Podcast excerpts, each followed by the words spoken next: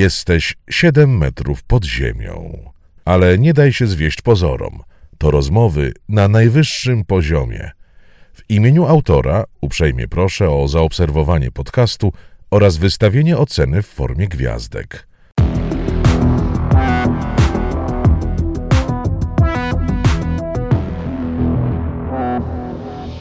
Siedem metrów pod ziemią. Rozmawia Rafał Gębura. Jesteś lekarzem, e, pracujesz e, w jednym ze szpitali w Abu Dhabi, takim dość specyficznym, za chwilę o tym będziemy rozmawiali. No, jesteś tam e, szefem jednego z oddziałów, ale też współzałożycielem tego, tego oddziału. Czym się różni ten szpital, w którym ty pracujesz, od takiego przeciętnego szpitala w Polsce? Szpital, w którym pracuję, jest zupełnie wyjątkowy. Kilka lat temu, y, po pierwszej fali pandemii, y, szejkowie władcy Emiratu Abu Dhabi podjęli decyzję o stworzeniu szpitala, który będzie mm, miał grupę docelową y, bardzo ważnych osób, czyli VIP-ów. I szpital ma być na najwyższym możliwym poziomie, jeśli chodzi o personel, jeśli chodzi o wyposażenie jak gdyby medycyna na najwyższym światowym poziomie ma być priorytetem, mm. ze względu też na specyfikę właśnie naszych, naszych pacjentów. Więc y, zostałem wtedy poproszony i, i, powierzono mi zadanie stworzenia oddziału ortopedii, między innymi oddziałami, bo tam mamy różne oddziały, y, od zera. Więc Kupowałem y, sprzęt, y, robiliśmy zaopatrzenie bloku operacyjnego bez żadnych ograniczonych środków y, finansowych. Zatrudnialiśmy ludzi, zatrudnialiśmy Jak najlepszych miło. specjalistów. Tak, bardzo miło, oczywiście, ale dzięki temu stworzyliśmy coś naprawdę wyjątkowego. Mhm. A szpital jest wyjątkowy ze względu na, też na wyposażenie ponieważ y, jeżeli przyjeżdża do nas taki VIP, a są to często głowy państw y, Afryki, Bliskiego Wschodu, znani aktorzy. Y, I leczą się tam w Abu Dhabi. Leczą tak? się w Abu Dhabi, tak, tak. I mówię tutaj o wszystkich krajach Bliskiego Wschodu, też Aha. takich, które no nie są bardzo pozytywnie postrzegane przez zachodni świat. Więc takich pacjentów też miałem. Premierów, y, generałów różnej maści i tak dalej, i tak dalej. Więc y, taki pacjent y, czy kolumna samochodów przyjeżdża na parking podziemny, tam jest taka specjalna winda, złota winda, która ma czerwony dywanik. Pacjent jedzie na ostatnie piętro i całe ostatnie piętro jest zarezerwowane dla VIP-ów. Są tam y, apartamenty dla, dla pacjenta oczywiście. Czyli, dla... czyli nie ma takich sal sześcioosobowych? Nie, raczej nie. Czegoś takiego nie spotkamy. Tam mm, tak myślę, że sala tego pacjenta to tam mogłoby 12 osób nawet wejść w takim normalnym szpitalu. I tam są oczywiście też, też pokoje dla, dla służby, dla ochroniarzy. Oczywiście. Bo, bo bardzo, oczywistość. No? Tak, tak. Bo bardzo często, często też przyjeżdżają z ochroniarzami. No, mam pacjentów, którzy nieraz mają pięciu, sześciu, siedmiu ochroniarzy, których, którzy ich pilnują. Y, oczywiście cały catering jest zapewniony na każdą dyspozycję.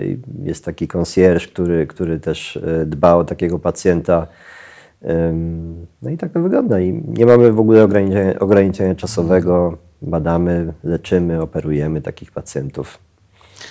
Myślę sobie, że tak to można się leczyć. Tak. Ale przecież e, ani złota winda, ani czerwone dywany mm, nie są w szpitalu czymś najważniejszym. Najważniejszy jest sprzęt, ale tu wspominałeś, że mhm. jest doskonały. E, ale być może jeszcze ważniejsi od sprzętu są specjaliści. Tak. E, ciekaw jestem, jak to, jak to wygląda u Was, a, a jeszcze bardziej jestem ciekaw tego, e, czy, czy polscy lekarze, polscy specjaliści mhm. są bardzo w cieniu, czy, czy mają się czego wstydzić, czy niekoniecznie? Mm, absolutnie nie. No, ja mam pewien wgląd w ten rynek, powiedzmy, ortopedyczny, więc y, naprawdę mamy wspaniałych lekarzy, wspaniałych operatorów, specjalistów, którzy mm, operują też bardzo dobrze, więc absolutnie nie mamy się czego wstydzić.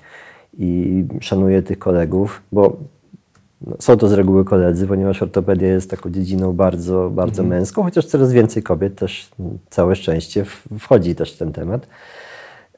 Jest, jest dużo specjalistów, dobrych specjalistów w Polsce, nie mamy się czego wstydzić. Są też kliniki, które są bardzo dobrze wyposażone, naprawdę na światowym poziomie. Chociażby klinika, w której ja też w Polsce pracuje przez, przez dwa tygodnie w miesiącu. Ośrodek referencyjny, pokazowy, tak naprawdę jeden z najlepszych w Europie Wschodniej, więc, więc absolutnie nie mamy się czego wstydzić. No to jest to pokrzepiające, to co mówisz. E, wspomnieliśmy o tym, że, że w Polsce jest na szczęście cała masa e, świetnych fachowców, specjalistów. No ale wszyscy wiemy, że e, dużym problemem jest dostanie się do takiego specjalisty. Czas oczekiwania na taką wizytę jest czasem no, upokarzający wręcz. A kiedy już pacjent dostanie się do, do, do tego świetnego fachowca, to, to niestety tego czasu statystycznie na pacjenta lekarz nie ma zbyt wiele. Czasem jest to kilka, czasem kilkanaście minut, e, więc nie wygląda to najlepiej. E, czy, czy u Was być może w Abu Dhabi występują podobne problemy, czy, czy, czy na, szczęście, na szczęście nie? Wiesz co, to zależy, bo jednak większość szpitali tam w Emiratach i w Abu Dhabi jest prywatnych, więc te szpitale są jak gdyby ukierunkowane na, na profit też. I w takich szpitalach, gdzie pracuje większość lekarzy, tak naprawdę y, jest pewnego rodzaju presja, żeby jak najszybciej y, obsługiwać Aha. pacjentów poradni, czy, czy też jeśli chodzi o operacje.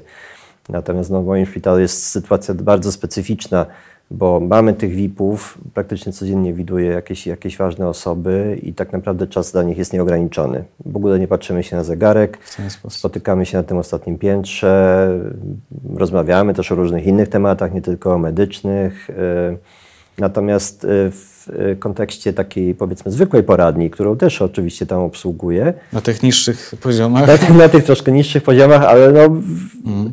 wiesz, troszeczkę odejdę od tematu, powiem Ci, że ja tak naprawdę traktuję wszystkich pacjentów tak samo. I oczywiście y, są te ważne osobistości, które, które y, przychodzą z jakimiś różnymi oczekiwaniami, natomiast ja ich zawsze traktuję jak normalnych ludzi i oni to chyba bardzo doceniają. Mm bo widzą, że nie ma w tym żadnej takiej sztuczności y, tego, co jak gdyby z czym się spotykają na co dzień tak naprawdę. Czyli nie musisz się kłaniać, tak? no, wszyscy dookoła się kłaniają tak naprawdę, mm. ale ja nie. Ja podchodzę do nich, y, witam się z nimi normalnie, rozmawiam o różnych tematach, y, polityce, sporcie mm. bardzo często i tak dalej, i tak dalej. I oni to bardzo cenią i dlatego jestem też tam lubiany wśród, wśród, wśród tych, powiem, klientów mm. i pacjentów. Natomiast e, w normalnej pracy codziennej na, na, na oddziale czy, na, czy w poradni e, no mam spokojnie pół godziny czasu na pacjenta i nikt się nie patrzy na zegarek. Ale mówię, to jest specyficzna sytuacja w tym mhm. szpitalu. Natomiast y, odejdę jeszcze w drugą stronę trochę, co do mojej przeszłości, ponieważ kilkanaście lat pracowałem w Niemczech E, I w Niemczech to wyglądało tak, że tam to była absolutnie super funkcjonująca maszyna.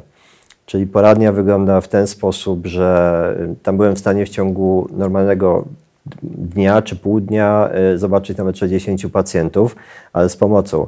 Miałem kilka gabinetów, miałem kilku asystentów, kilka mm. pielęgniarek i to są asystenci, którzy są przeze mnie też przygotowani, wykształceni odpowiednio, przeszkoleni. Oni zbierają wywiad, oni wstępnie badają. Ja wchodzę do pomieszczenia, w skrócie przedstawiają mi pacjenta, witam się z nim oczywiście, też ewentualnie badam i idę do następnego pacjenta, zalecam jaka jest terapia, jak, jaki jest plan.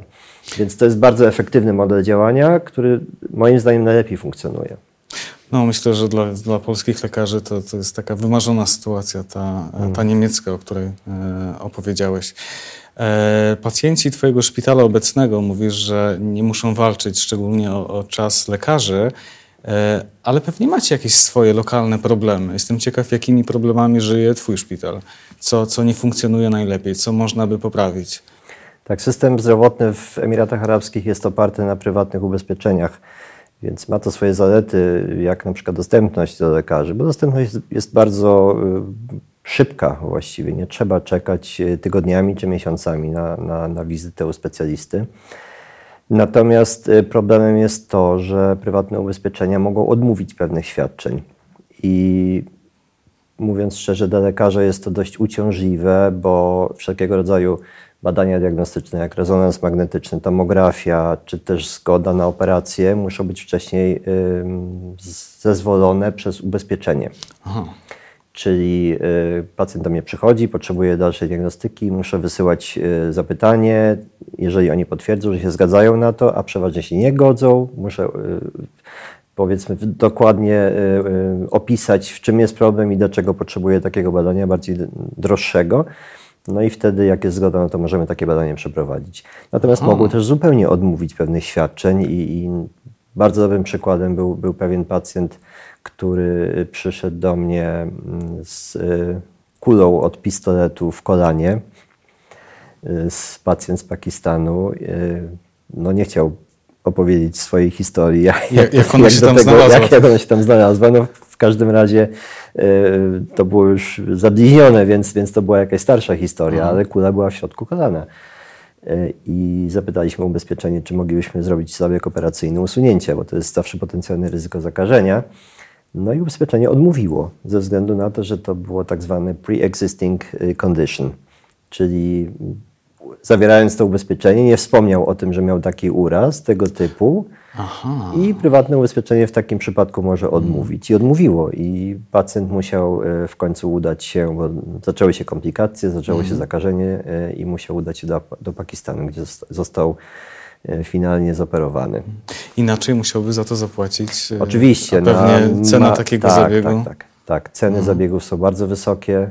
E, wycena jest bardzo wysoka, szczególnie w Dubaju. W Abu Dhabi jest to troszeczkę inaczej, ale w Dubaju to są, to są bardzo, bardzo wysokie stawki.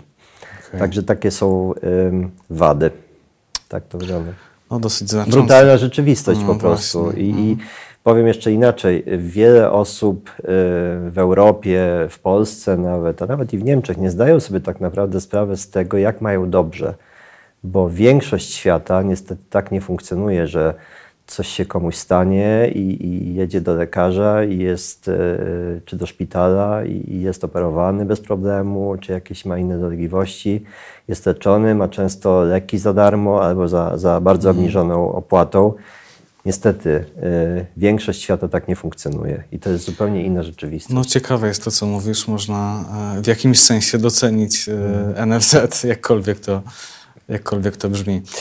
A powiedz, jak wyglądają takie, takie ubezpieczenia? Jak, jak, na ile one są kosztowne? Czy, czy takie ubezpieczenie stanowi znaczącą część domowego budżetu, czy to jest piekuś?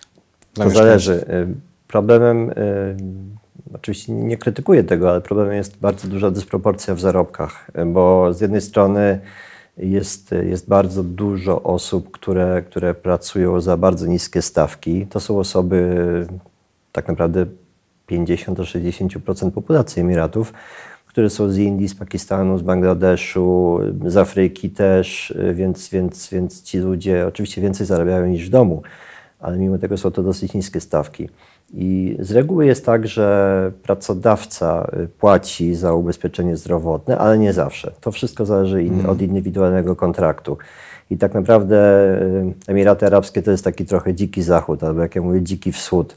Y, system ogólnie bardzo oparty na, na systemie amerykańskim, gdzie, gdzie wszystko zależy od indywidualnych negocjacji.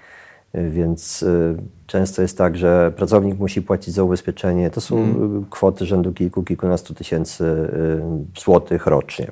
W zależności mm. od tego też, czy rodzina jest też ubezpieczona, czy są dzieci i tak dalej, i tak dalej. Jasne. Czyli bywa różnie. Tak sobie myślę, że, że, że ty e, z całą pewnością jesteś pracownikiem, który jest e, opłacany bardzo przyzwoicie. Nie chcę ci oczywiście pytać o, o dokładne kwoty, ale powiedz tylko, jak bardzo jest dobrze.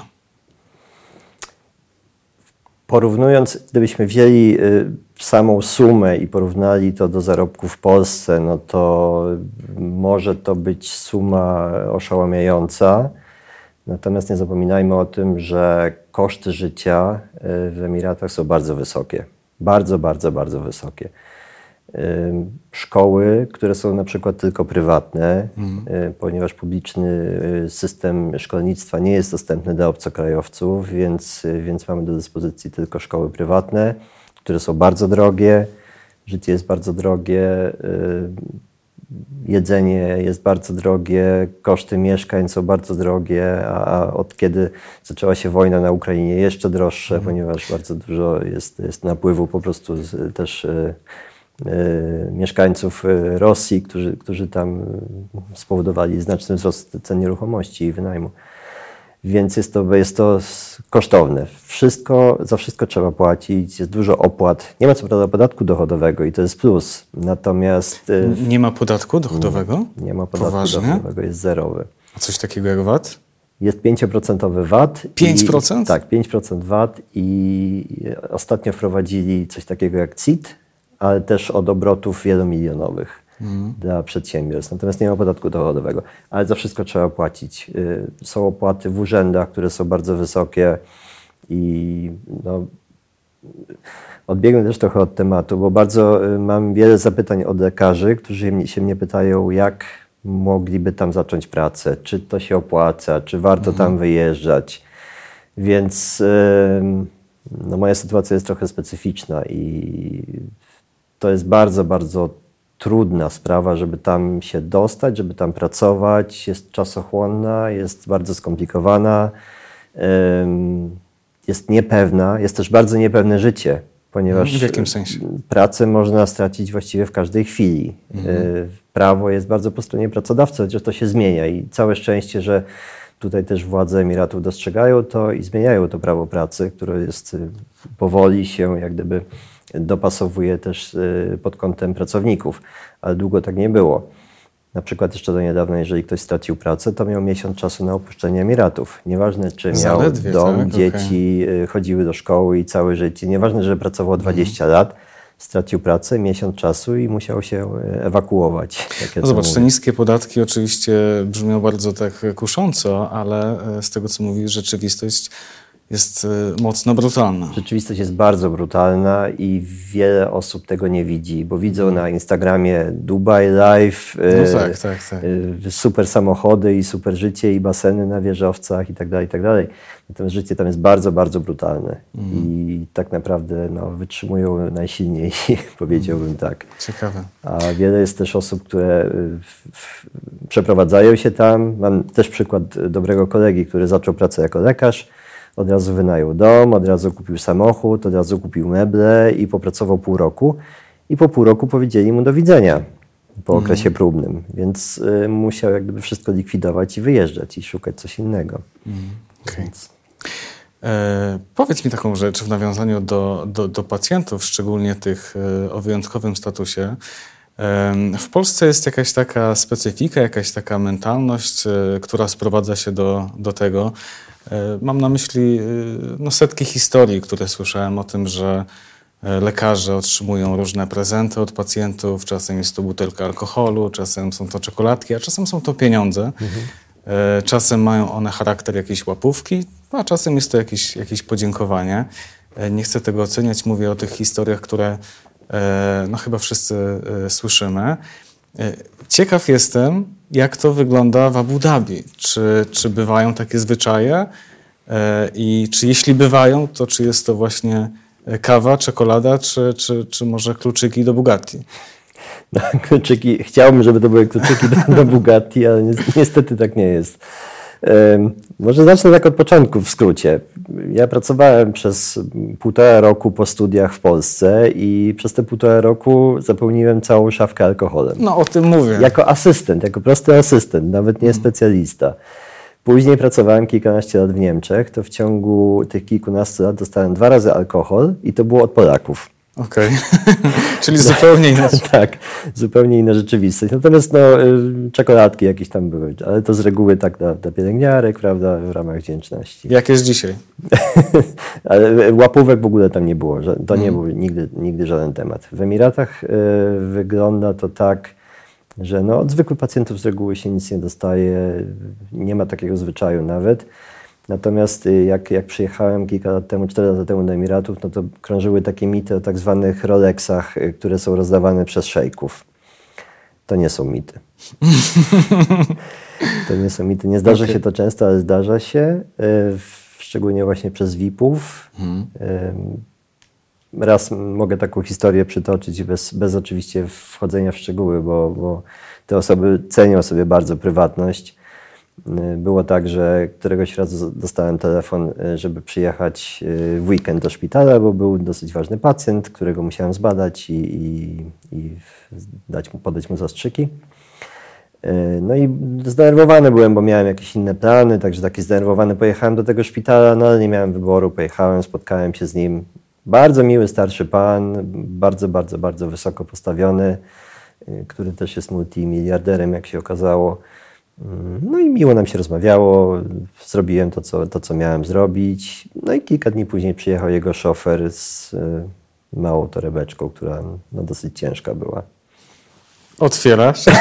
Otwieram, no i byłem pod bardzo dużym wrażeniem. Tak, okay. tak. No to był zegarek oczywiście, ale no nie, nie byle jaki. Mm. Nie byle jaki. No niezwykłe jest to. I to nie jest jedyna historia, takie mm. historie się zdarzają. I okay. po prostu specyfika tego szpitala i tych pacjentów, oni, oni są bardzo, y, mówię teraz o Emiratczykach, to są bardzo, bardzo mili, przyjaźni ludzie, często bardzo dobrze wykształceni, mm. na bardzo wysokim poziomie, często wykształceni w Wielkiej Brytanii, w Ameryce na przykład. Mm, więc absolutnie nic złego o nich nie mogę powiedzieć. Tak samo jak o całej kulturze Emiratów Arabskich i, i pod względem y, takiej przyjazności do y, przyjaźni i, i, i podejścia y, do mnie jako do lekarza i pod względem na przykład też podejścia do kobiet. no właśnie, o to chciałem tak. zapytać, bo to jest taka kwestia, która S, Tak, są takie tematem. mity, oczywiście. Też wielu znajomych, którzy, którzy przyjeżdżają czasami do Emiratów albo chcą przyjechać, pytają się, no jak to jest, czy tam jest bezpiecznie, czy kobieta może sama wyjść na ulicę. Absolutnie tak. To jest, Emiraty Arabskie to jest w tej chwili jeden z najbezpieczniejszych krajów na świecie. Przestępczości w ogóle praktycznie się nie zdarzają. Można zostawić najnowszego iPhone'a na ławce i on tam będzie kilka godzin później, mimo że tego, że minie go tysiąc, tysiąc osób. Absolutnie nie słyszy się mhm. o jakichkolwiek przestępstwach w stosunku do kobiet. Kobiety w ogóle nie są y, jakoś, y, nie wiem, nie wiem jak to nawet Napastowane? Absolutnie nie. Co więcej, kobiety mają bardzo wysoką pozycję i są bardzo doceniane tam powiem z mojego szpitala, że, że większość zarządu i większość kadry zarządzającej to są kobiety. Hmm. Moja dyrektorka to jest kobieta emiratka, więc y, bardzo dobrze mi się z nimi współpracuje. Jest bardzo dużo kobiet na stanowiskach ministerialnych też. Także one mają bardzo wysoką pozycję, są cenione, nawet powiedziałbym bardziej niż w krajach zachodnich, bo y, proporcja y, na takich e, wysokich stanowiskach proporcja kobiet do mężczyzn jest bardzo wyrównana, a nieraz nawet wyższa. No zobacz. Porozmawiajmy chwilę o Twojej specjalizacji. Ty, ty jesteś ortopedą. E, jak to najprościej opisać? Zajmujesz się e, układem kostnym? Tak. To będzie. Układem stawowym, kostnym, mhm. układem ruchu ogólnie. Mhm. Wszystko, co jest związane z ruchem, czyli okay. kości, stawy, mięśnie. Tak. Myślę sobie, że, że, to jest być może taka specjalizacja, e, która wiąże się z częstymi operacjami. Mhm. No bo wiesz, liczne złamania i tak dalej. E, czy, czy operacje to, to jest e, u Ciebie codzienność? Jak to wygląda? W też jest inaczej. W Emiratach Arabskich jest inaczej niż na przykład w Europie. W Niemczech, jak pracowałem, to z reguły było tak, że codziennie się operowało, o wiele więcej się operowało niż w Emiratach Arabskich, ale też y, bardzo duży nacisk kładliśmy na to, żeby tak naprawdę jak najmniej operować. Bo dla mnie osobiście i po tym, co wyniosłem z mojego wykształcenia w, w tych kilku szpitalach, w których tam pracowałem przez te lata, to jest to, że, że operacja jest ostatecznością. Mm. Więc staramy się robić wszystko możliwe, żeby, żeby do tej operacji nie doszło. Um, oczywiście są stany, gdzie trzeba operować bezwzględnie, nieraz szybko, nieraz są też, czy były też dramatyczne sytuacje w, w mojej karierze, um, ale ogólnie mówiąc, y, ja staram się jak najmniej operować. Mimo tego, że mam bardzo duże doświadczenie, że bardzo dużo operowałem w swoim życiu w najróżniejszych y, poddziedzinach ortopedii, to jednak e, to jest zawsze ostatecznością i to zawsze moim pacjentom mówię. Ja staram się wyobrazić, co by było, gdyby to był mój problem, gdyby mm. ja miał jakiś problem z kolanem, czy poszedłbym na tę operację, czy nie. I tak zawsze postępuję w stosunku do moich pacjentów, a tym bardziej do, w stosunku do dzieci, bo, bo, też mam bardzo wielu pacjentów y, młodych, dzieci małe, większe, nastolatków. Mm. Więc a sobie... dlaczego inaczej w stosunku do dzieci? Z większą empatią, czy o co chodzi? Nie, nie. Chodzi o to, że też sobie wyobrażam, co, to, co byś zrobił, gdyby to było twoje dziecko. Czy byś się zoperował, czy byś nie zoperował. I y, zaobserwowałem też taki dosyć niepokojący trend, że zbyt często się operuje też dzieci. Mhm. Są oczywiście, mówię o urazach w tej chwili, złamaniach różnego rodzaju. Są oczywiście sytuacje i są y, miejsca, y, stawy takie, które absolutnie bezwzględnie trzeba zoperować, bo inaczej będą komplikacje albo będą problemy przez całe życie. Typu? No, na przykład staw łokciowy jest takim bardzo wrażliwym stawem, gdzie, gdzie raczej się operuje niż się nie operuje. Okay. Natomiast są inne kości, długie kości, szczególnie u małych dzieci, gdzie właściwie większość takich złamań można leczyć zachowawczo, bezoperacyjnie. I no, wracając do pierwszego pytania, y, czy dużo operuję? W tej chwili w Emiratach z reguły operuję jeden dzień w tygodniu. Jest jeden dzień operacyjny, a resztę mam, mam jakieś inne zadania. Podobnie jest, jest tutaj w Polsce, jak jestem. Jest jeden mm. dzień operacyjny, a, a, poza tym spędzam y, czas na, na poradni i na, i na widzeniu różnych pacjentów z różnymi dolegliwościami. Mhm. Czy ten dzień, kiedy masz operację, to jest taki dzień szczególny, czy to jest y, E, no, dzień szczególnego obciążenia, czy operacje wymagają jakiegoś takiego mentalnego przygotowania, e, czy bułka z masłem?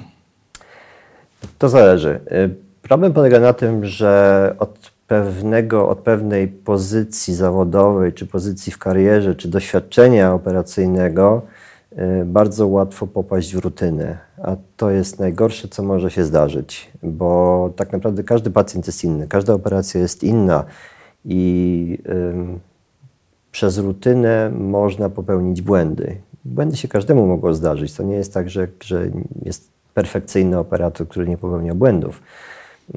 Ale tak, ja zawsze się przygotowuję do każdego zabiegu, zawsze dokładnie sprawdzam dokumentację, sprawdzam badania obrazowe, rozważam, jakie są możliwości. Z pacjentem też wyjaśniam dokładnie, na czym będzie polegał, polegała operacja.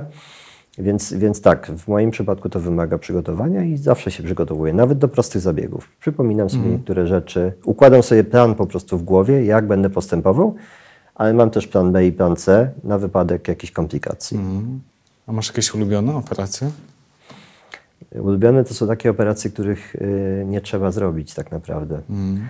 bo y, tak jak mówiłem, najlepiej jest nie operować. Natomiast y, jeżeli już. Jak już trzeba coś tam pogrzebać, tak, to.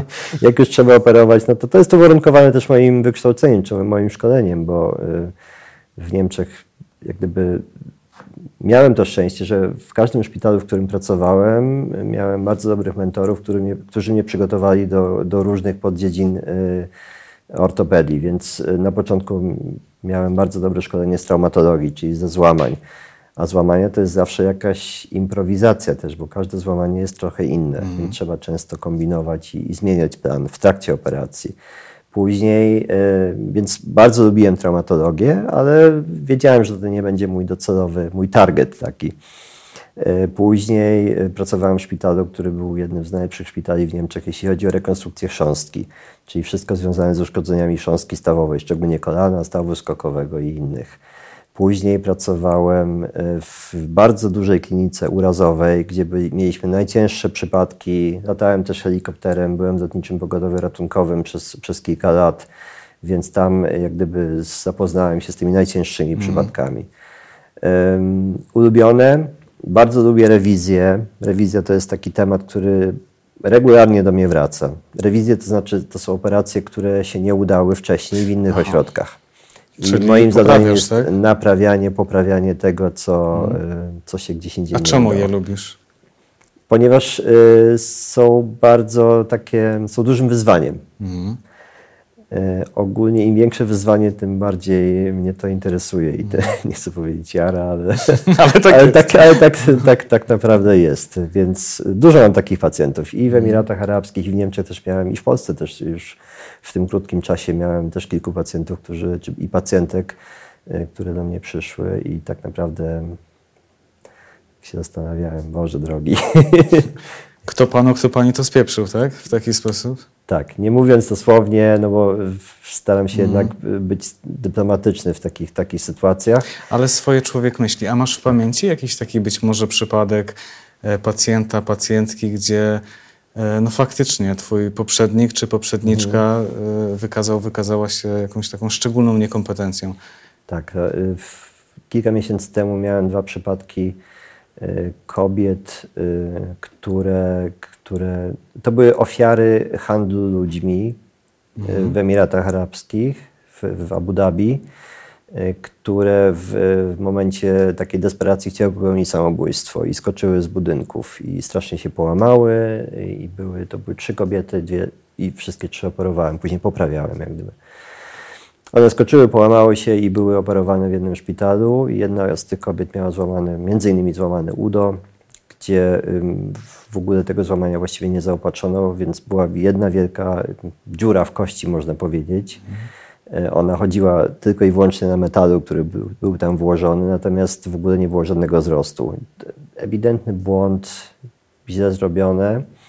E, Druga pacjentka była zoperowana na łokciu, gdzie ktoś po prostu wkręcił dwie śrubki w ten sposób, że, że ta kobieta po prostu nie mogła, miała sztywny łokieć, nie mogła poruszać.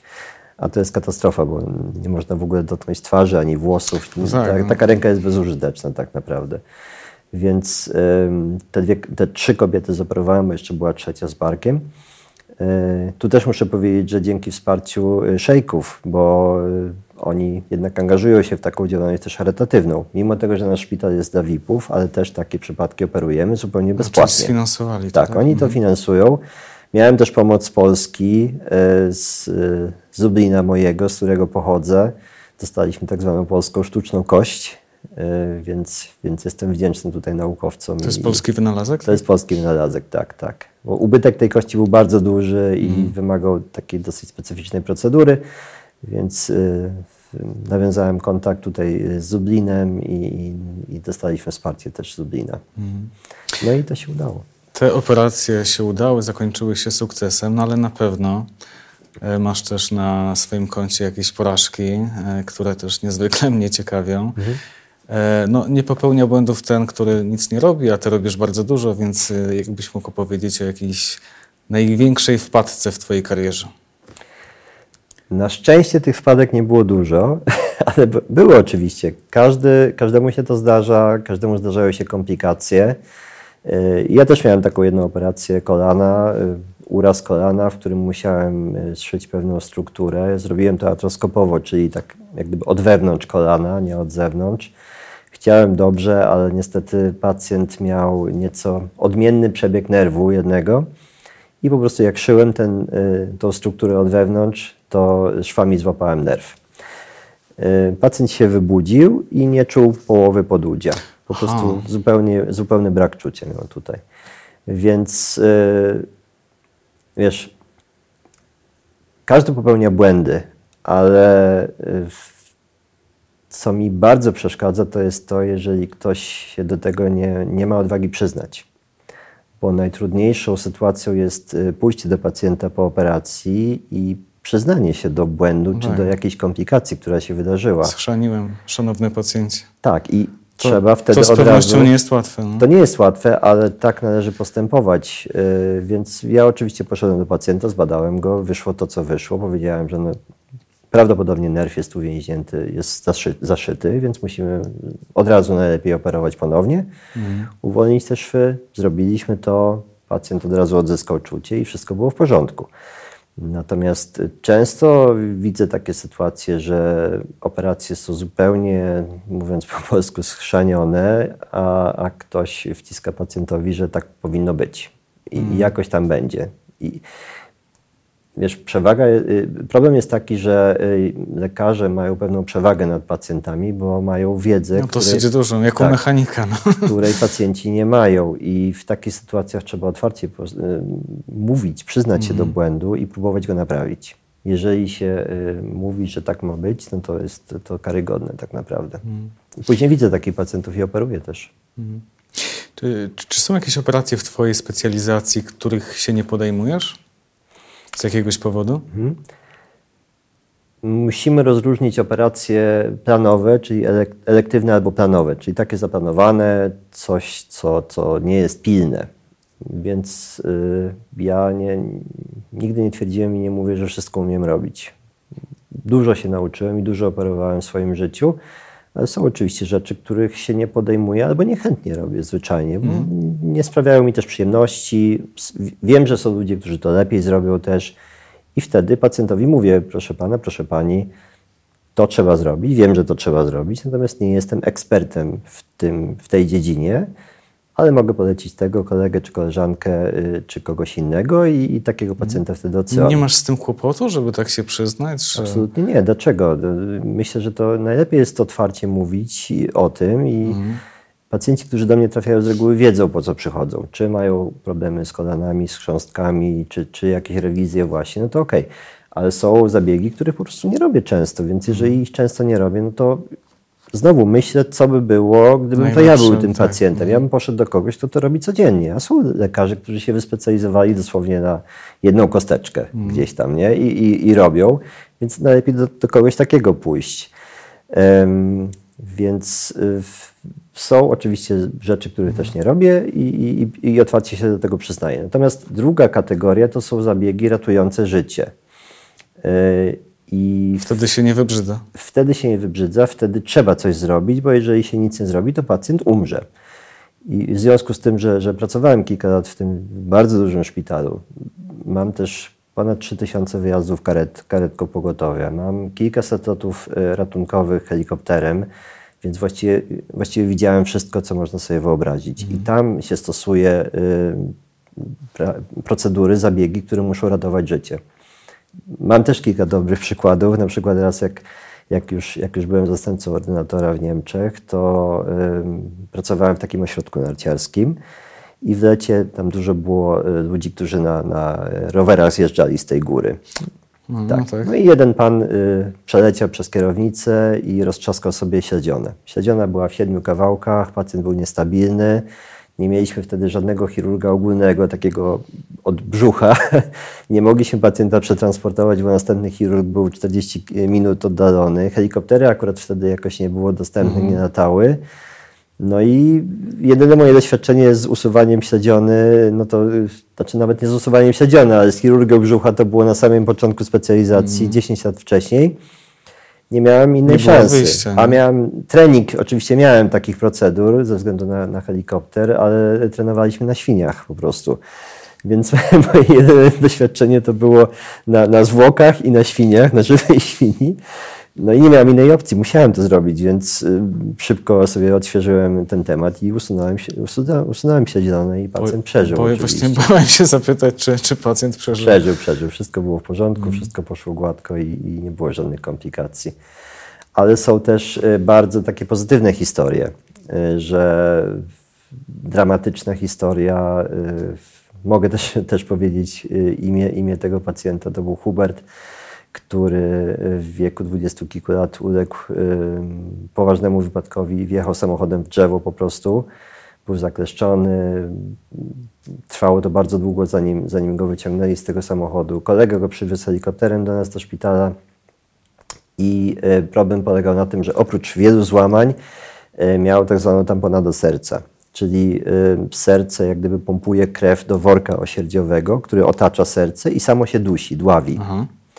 Więc to jest sytuacja, która no, wymaga natychmiastowej reakcji, bo inaczej w ciągu kilku minut dojdzie do zatrzymania akcji serca.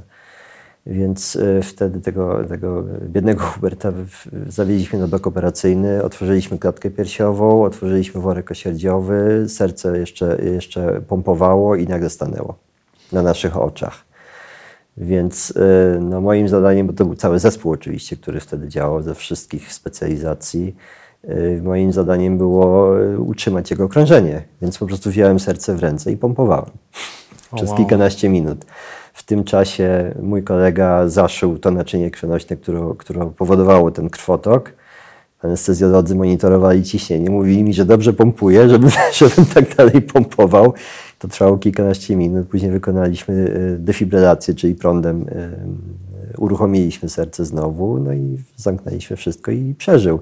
I pięć lat po tym wydarzeniu dostałem od niego wiadomość, bardzo miło zresztą, w której, w której mi dziękował właśnie, że dzięki mojej akcji i całego no zespołu tak. jego serce do tej pory bije i wszystko jest w porządku i jest teraz no, mm. Młodym, tak Co za historia, chyba takie, człowiekiem. Chyba tak. takie przypadki to się do końca życia będzie, tak, będzie pamiętać. To się pamięta. Zupełnie niecodzienne sytuacje. E, wspomniałeś chwilę temu też o, mm, o takich operacjach, które są po prostu nieprzyjemne i, się, i być może te operacje jakoś, jakoś świadomie albo podświadomie ich unika. Pomyślałem sobie wtedy, że być może chodzi o amputację. Mhm.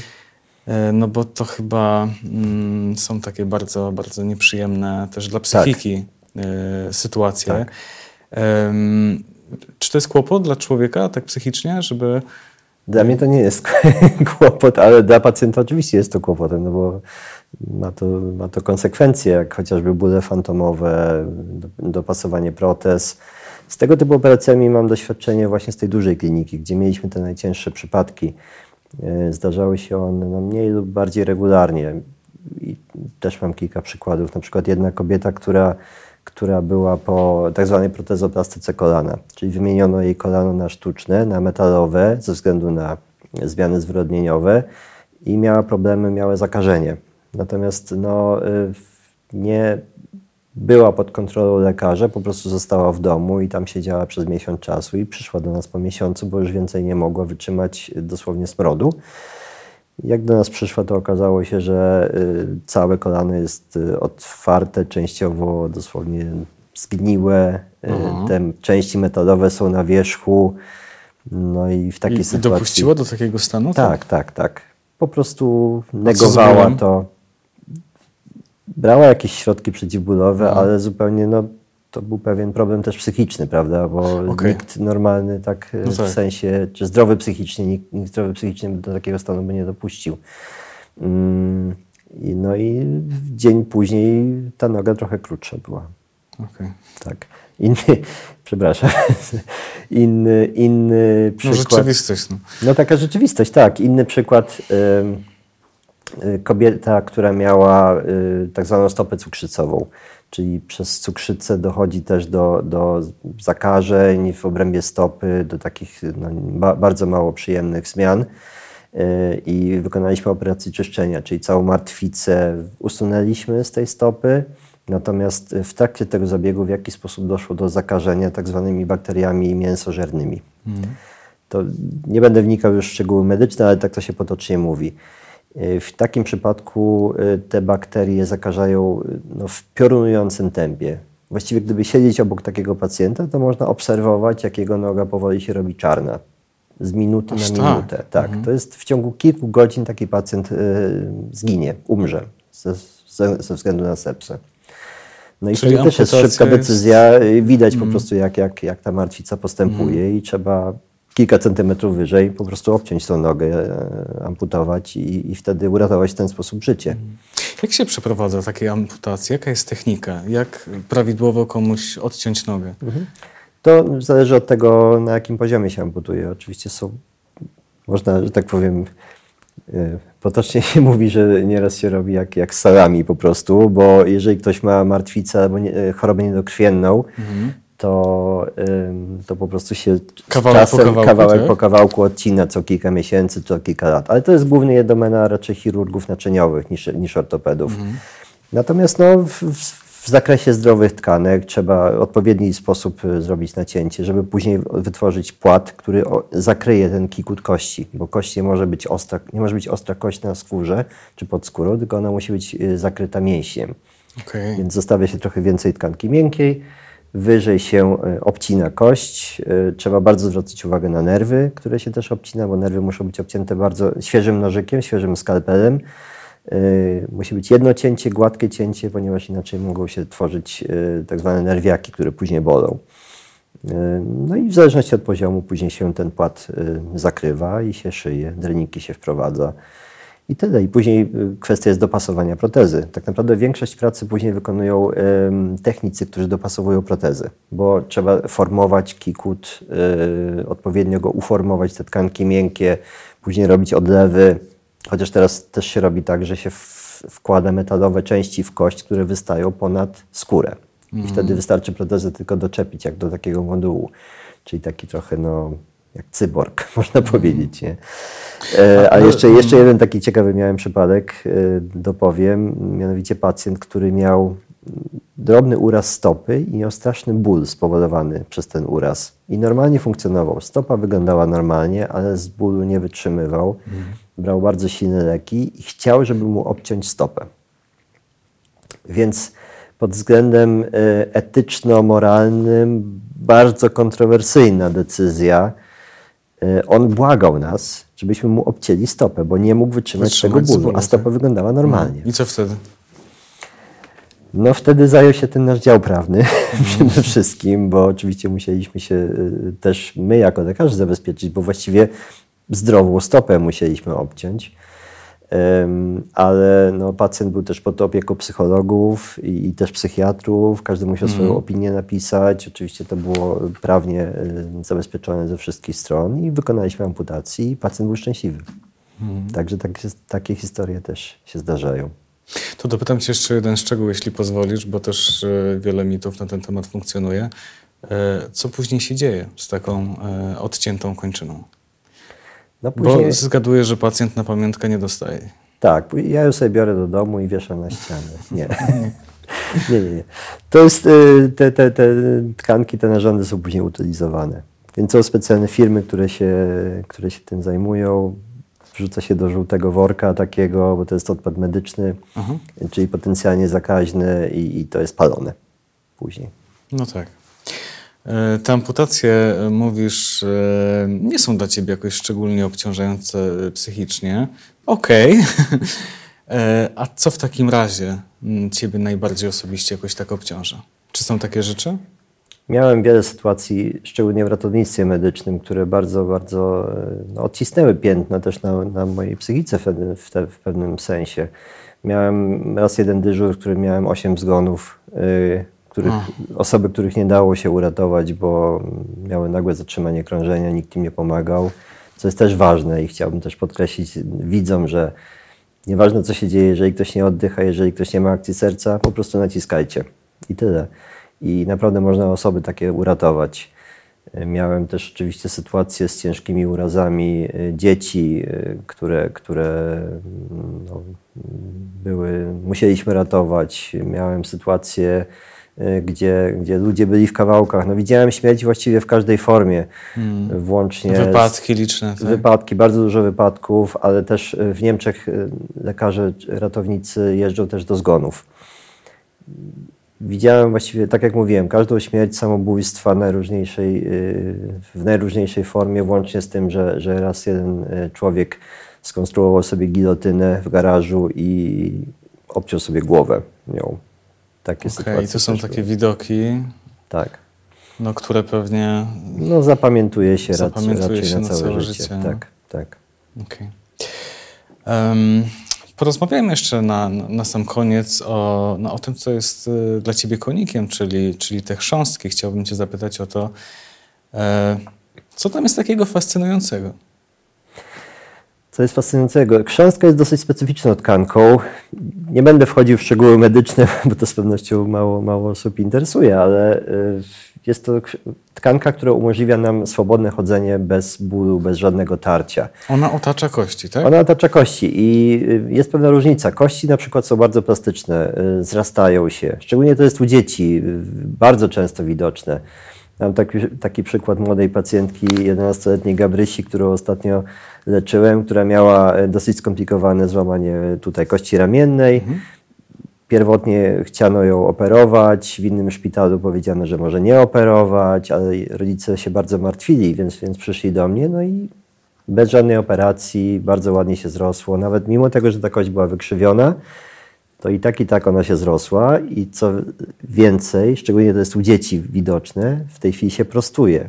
Więc kość jest bardzo plastyczna i, i u dzieci bardzo wiele złamy można w ten sposób mhm. leczyć zachowawczo.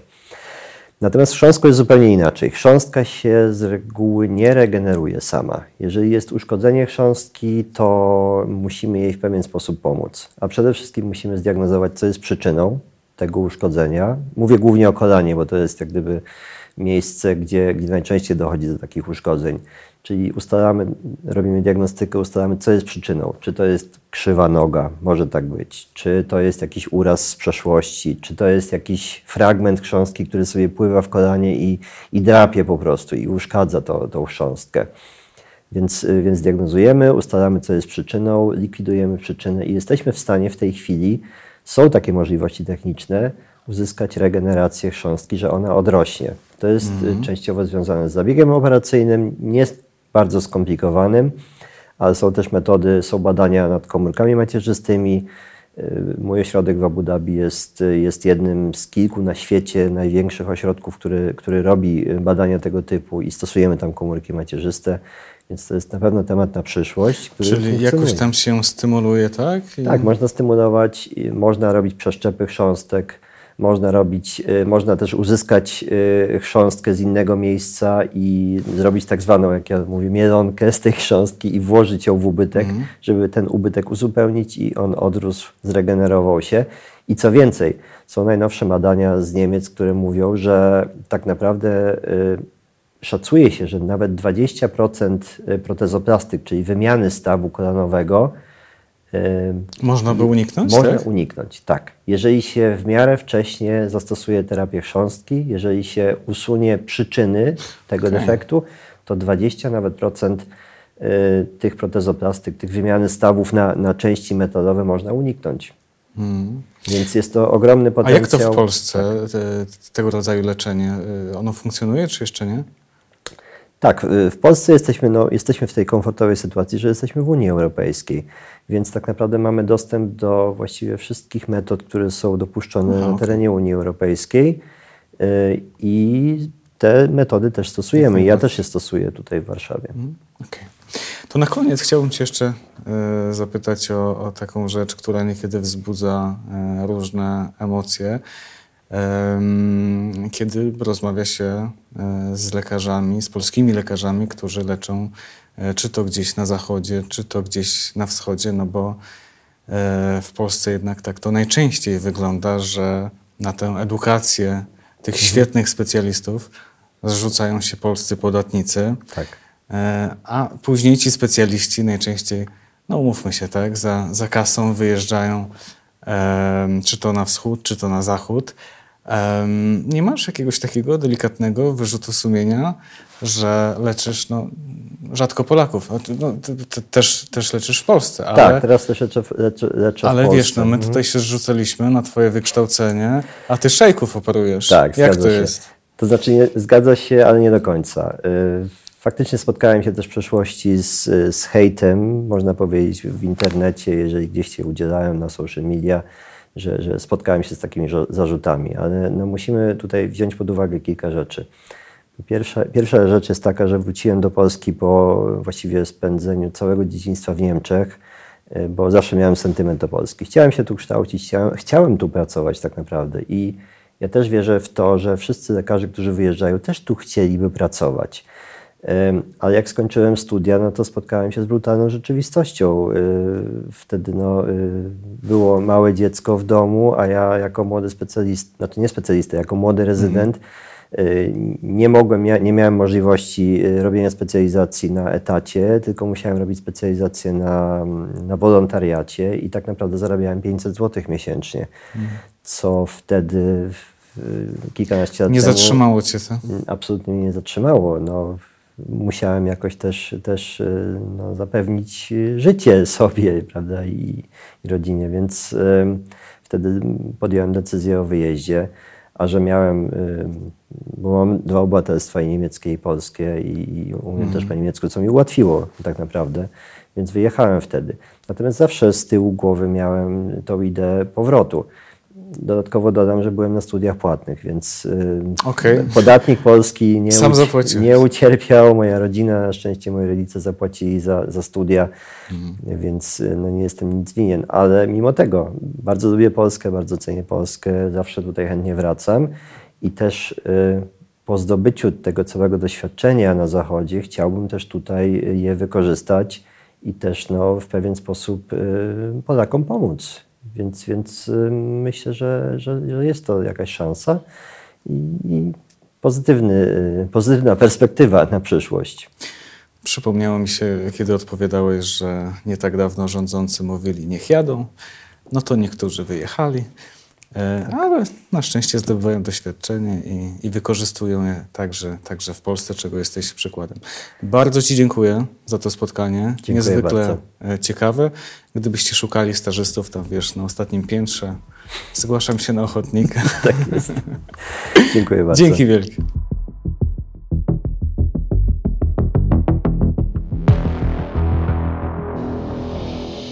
W imieniu autora dziękuję Państwu za uwagę. Zachęcam również do zaobserwowania podcastu oraz wystawienia oceny w formie gwiazdek. Do usłyszenia kolejnym razem.